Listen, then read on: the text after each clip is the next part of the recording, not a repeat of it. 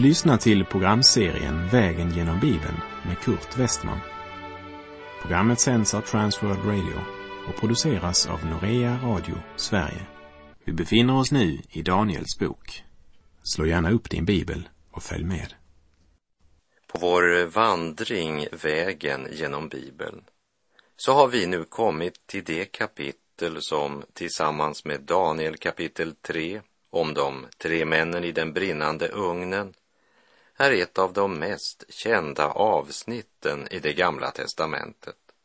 För vem har väl inte hört talas om Daniel i lejongropen? Vi har alltså kommit till Daniels bok kapitel 6. Från vår vandring genom det första kapitlet i Daniels bok vill jag påminna om tre saker som jag nämnde där, nämligen för det första, Daniel var målmedveten och kompromisslös. För det andra, Daniel var en bönemänniska. Och för det tredje, han var en Herrens profet. Daniels bok handlar om något långt mera än att bara bli tagen till fånga av en fientlig militärmakt. Det handlar om att komma under inflytande av en gudsfientlig andemakt, nämligen babylonismen. Vi såg i kapitel 1 att välfärd är det första steget när Babels kung ska försöka göra Guds barn till Babels tjänare. Dubbelliv var det andra steget. I kapitel 3 mötte vi tredje steget som var kompromiss. I kapitel 3 så frestades de att inta en liberalare hållning till sin gudstro. En frestelse till kompromiss. Världen kallar det tolerans och vidsyn när saltet mister sin sälta. I kapitel 3 så är det inte förbjudet att tillbe andra gudar än Nebukadnessars guldstaty. Var och en får ha sin tro. Befallningen från Babels kung det är att de gärna får tillbe sin egen gud, men han kräver att de också ska visa samma respekt för guldstoden, som ju är majoritetens religiösa hållning. Alltså en frestelse att kompromissa. Kapitel 1 genom välfärd och goda levnadsvillkor för köttet inbjuder Babel till dubbelliv. I kapitel 3 kom ännu ett steg som är kompromiss. Och när vi nu kommer till kapitel 6 möter vi ytterligare ett steg som är förnekande. Det vill säga, det blir förbjudet att tillbe någon annan än kung Darejaves. Ser du tillvägagångssättet? Välfärd, dubbelliv, kompromiss och förnekande. Det är många, många år sedan Daniel kom till Babel. Nebukadnessar är död, även kung Belsassar är borta. Nu är det den mediske Darejaves som regerar i Babel. Men för oss så är det viktigt att lägga märke till att även om Darejaves inför ett nytt styrelsesätt av riket så förblir den andliga kampen densamma som tidigare, trots vissa yttre förändringar där makten fördelas på 120 saptraper som över sig har tre ministrar som är ansvariga inför kung Darejaves. Det babyloniska väldet har kollapsat och det medisk-persiska riket har nu makten. Men rikets väsen är fortfarande detsamma som vi kommer att upptäcka när vi nu vandrar genom kapitel 6. Helt sedan Daniel bortfördes till fångenskap i det hedniska Babel har han levt under konstant fara och den lejongrop där det rent bokstavligen var blodtörstiga lejon var faktiskt inte det farligaste Daniel utsattes för. Men att alla dessa år leva i den hedniska atmosfär som både Nebukadnessars palats, Belsassars palats, Medien Darejaves och slutligen den persiske kung Kores, som alla var hedniska kungar. Det var en långt större fara och frestelse för hans andliga liv. Men istället för att påverkas av den hedniska världen var han med och påverkade världen. Och genom Daniel fick flera hedniska kungar kunskap om den ende sanne Gud. Daniel var inte en termometer som ändrade sig efter den temperatur som rådde i hans omgivning. Daniel var en termostat som var med och påverkade och förändrade temperaturen. Och Daniels styrka, det var hans kompromisslösa hållning från första stund. Den som säger nej till den första frestelsen kan lättare segra när han möter den andra frestelsen och så vidare. Här går mina tankar till det Petrus skriver i sitt första brev kapitel 5, vers 6 till och med 9. Ödmjuka er alltså under Guds mäktiga hand, så ska han upphöja er när hans tid är inne. Och kasta alla era bekymmer på honom, ty han har omsorg om er. Var nyktra och vaksamma. Er motståndare djävulen går omkring som ett rytande lejon och söker efter vem han ska sluka. Gör motstånd mot honom orubbliga i tron och tänk på att era bröder här i världen utstår samma lidanden. Låt oss inför vandringen genom Danielsbokens sjätte kapitel verkligen ha dessa ord i våra tankar genom hela kapitlet. Var nyktra och vaksamma. Er motståndare, djävulen, går omkring som ett rytande lejon och söker efter vem han skall sluka. Ja, låt oss meditera lite grann över de orden innan vi börjar vår vandring genom det sjätte kapitlet.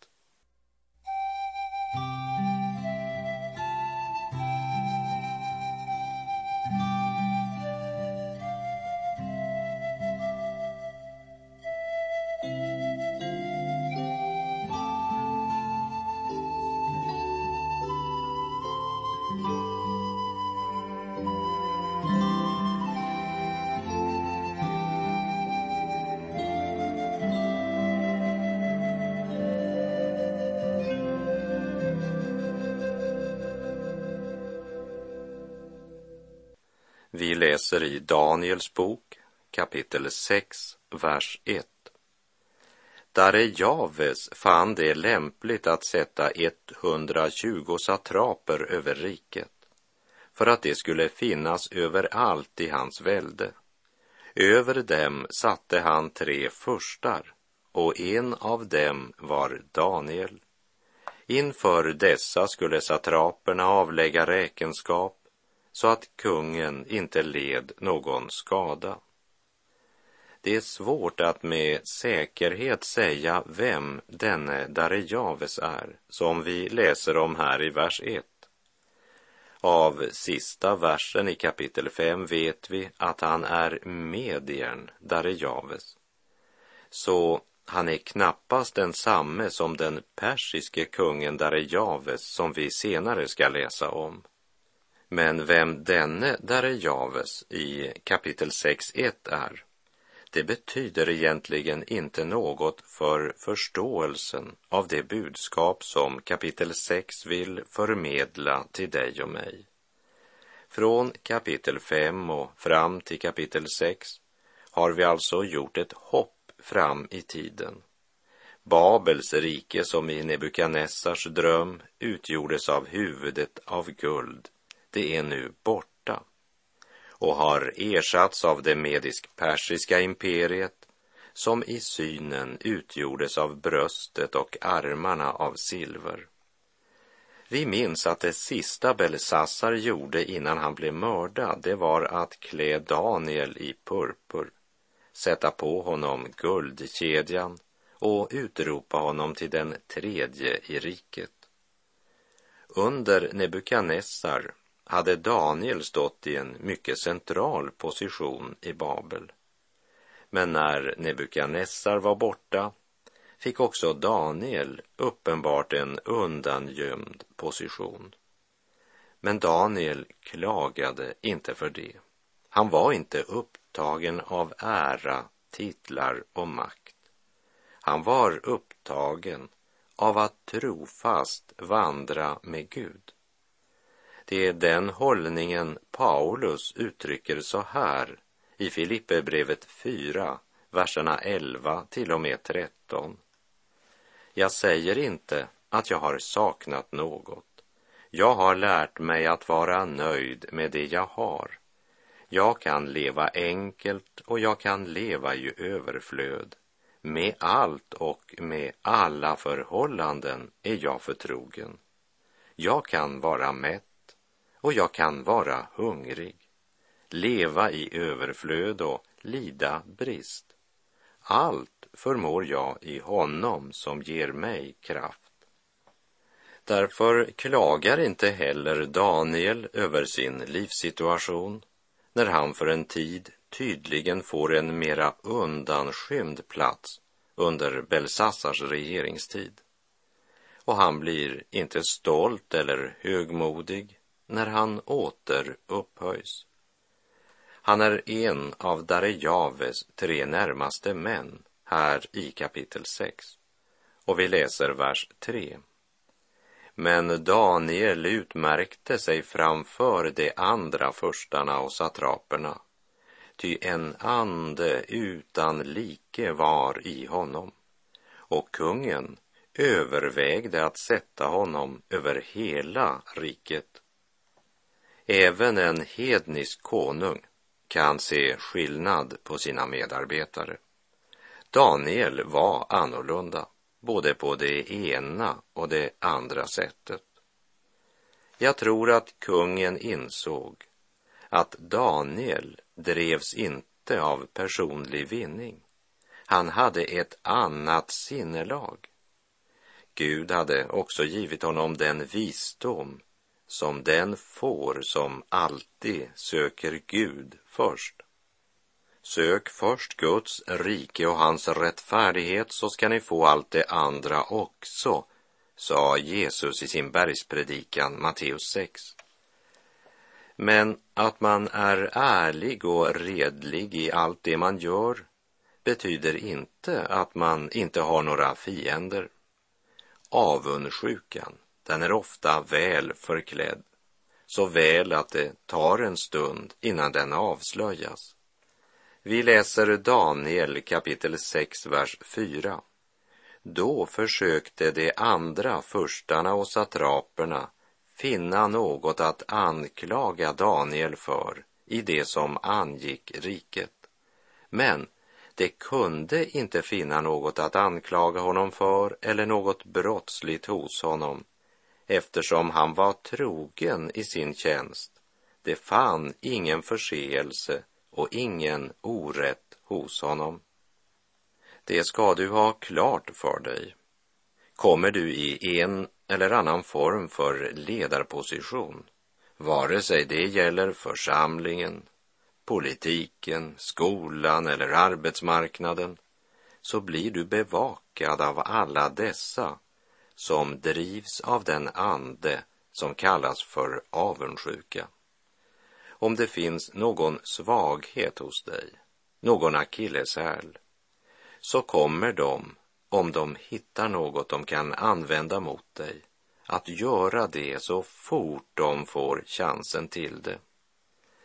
Men det liv Daniel hade bakom sig, det tålde en närmare granskning.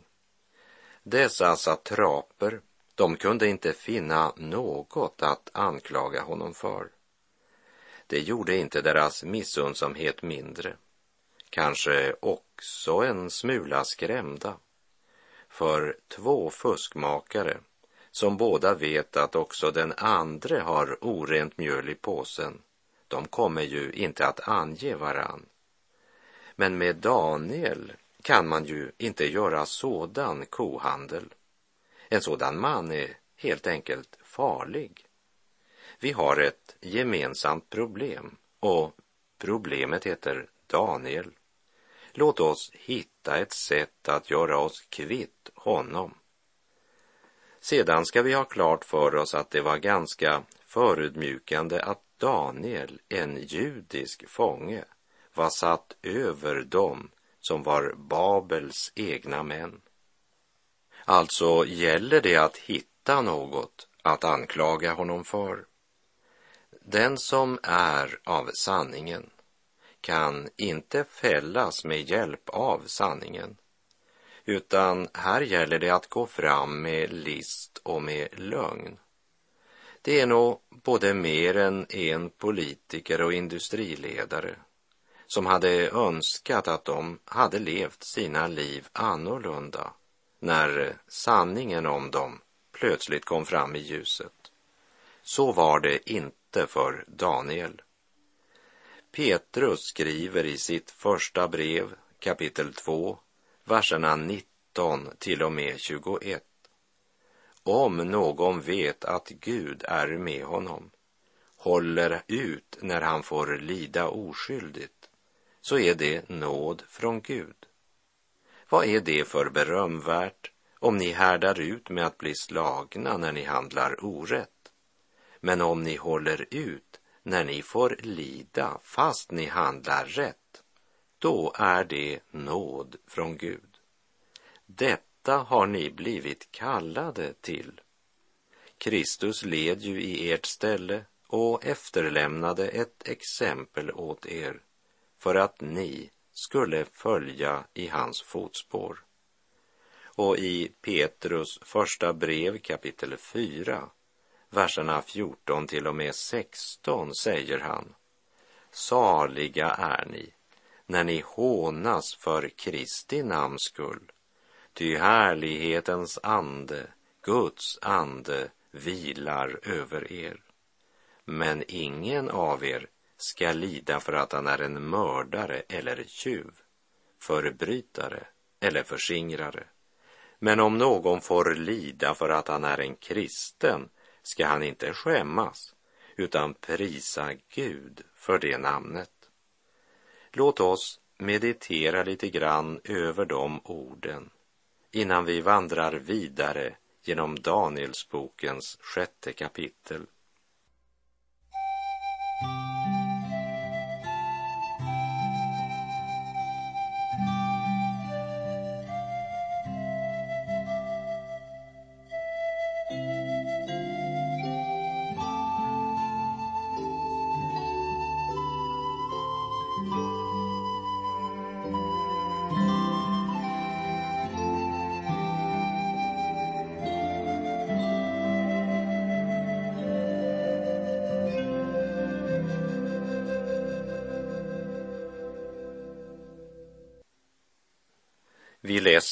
Profeten Daniels bok kapitel 6, verserna 5 till och med 7. Då sade männen, vi lär inte finna något att anklaga den där Daniel för, utom möjligen när det gäller hans gudstyrkan. Därefter fick förstarna och satraperna bråttom att komma in till kungen och det sade till honom, må du leva för evigt, konung Darejaves. Alla rikets förstar, landshövdingar och satraper, rådsherrar och ståthållare har enats om att en kunglig förordning borde antas och ett påbud utfärdas att vem som helst som under 30 dagar ber till någon annan, Gud eller människa, än till dig, o konung, han ska kastas i lejongropen. Det första vi lägger märke till, det är att Daniels fiender hade bråttom att springa till kungen för att framföra sitt förslag. Stress är ett av Satans kännetecken och hans tjänare hastar. Daniel var annorlunda. Gud har kallat sitt folk till ett liv som är annorlunda än denna världens liv och tankegång. Helt från den stund då han som slav fördes till Nebukadnessars hov och han begärde att slippa orena sig med kungens vin och mat, så var han annorlunda. Och dessa män, de var klara över att det är så. Ska vi hitta något att anklaga honom för, så måste det bli hans religion. Han tillber ju inte någon annan än sin Gud. Orden i Petrus första brev kapitel 2. Men om ni håller ut när ni får lida fast ni handlar rätt, då är det en nåd från Gud. Detta har ni blivit kallade till. Det gällde i högsta grad Daniel. Komplotten mot Daniel var ett fruktansvärt svek och det byggde på lögn, list, smicker och falsk hängivenhet. Avundsjukan är aldrig så fruktansvärd som när den klär sig i omsorgens kläder. Darejaves var en god regent, men satraper och rådsherrar hade efterhand upptäckt hans svaghet. Han var svag för smicker. En av vår tids tragedier, det är att det finns många kristna som inte ger sitt ekonomiska stöd till någon organisation om de inte smickras av organisationens ledande. Vi bör aldrig smickra eller skryta av folk för att få deras stöd. Gud kommer att tala till människornas hjärtan om han vill att de ska stödja ett missionsarbete.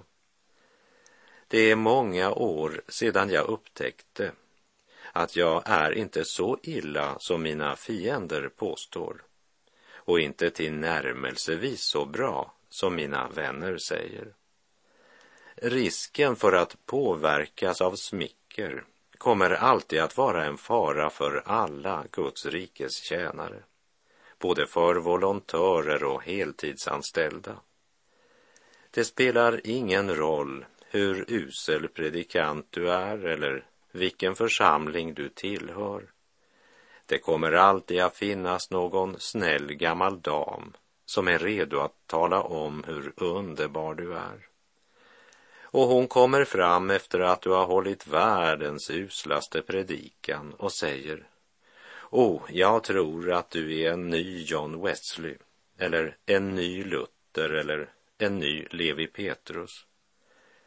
Och det är ju trevligt med sådana snälla gamla damer som försöker uppmuntra på det sättet.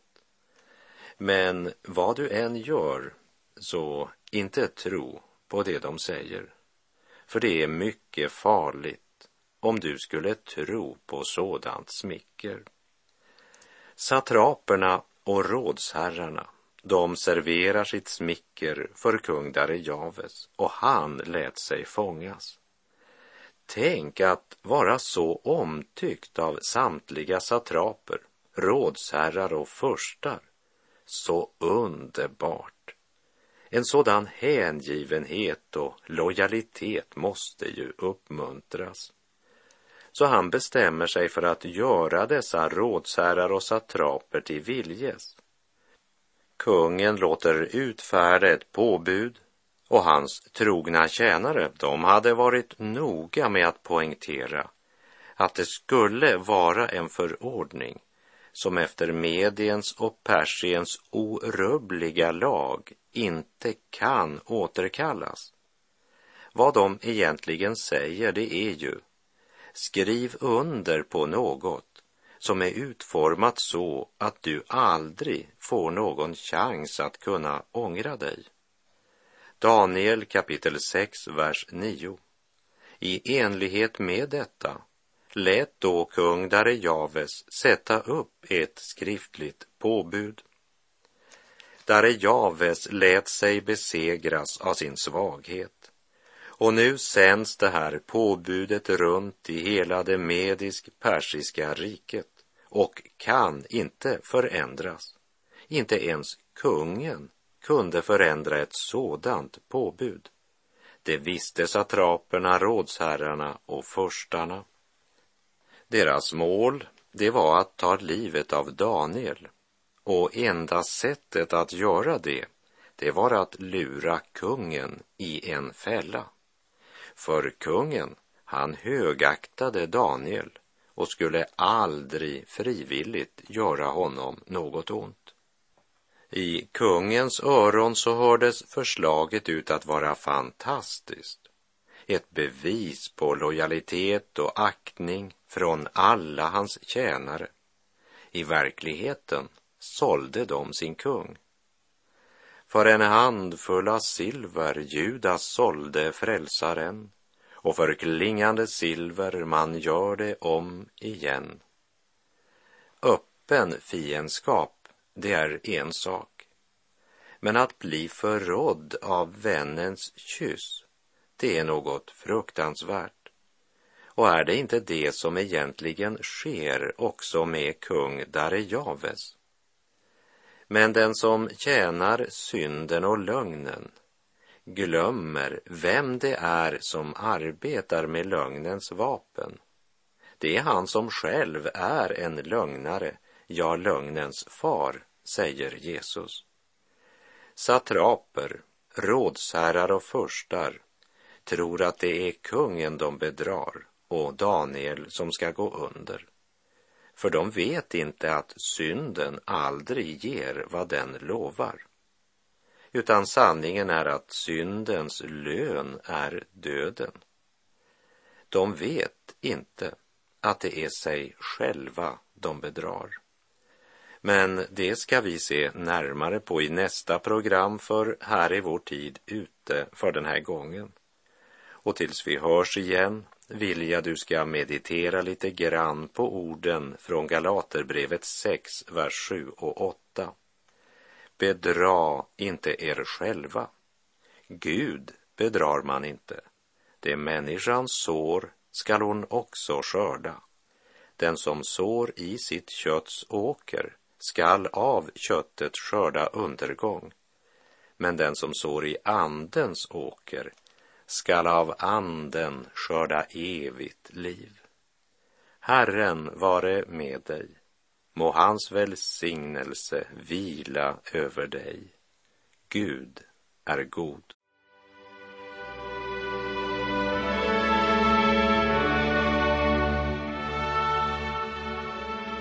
Du har lyssnat till programserien Vägen genom Bibeln med Kurt Westman som sänds av Transworld Radio. Programserien är producerad av Norea Radio Sverige. Om du önskar mer information om vårt radiomissionsarbete så skriv till Norea Radio Sverige, box 3419 103 68 Stockholm. Adressen är alltså Norea Radio Sverige, box 3419. Postnumret 10368 Stockholm.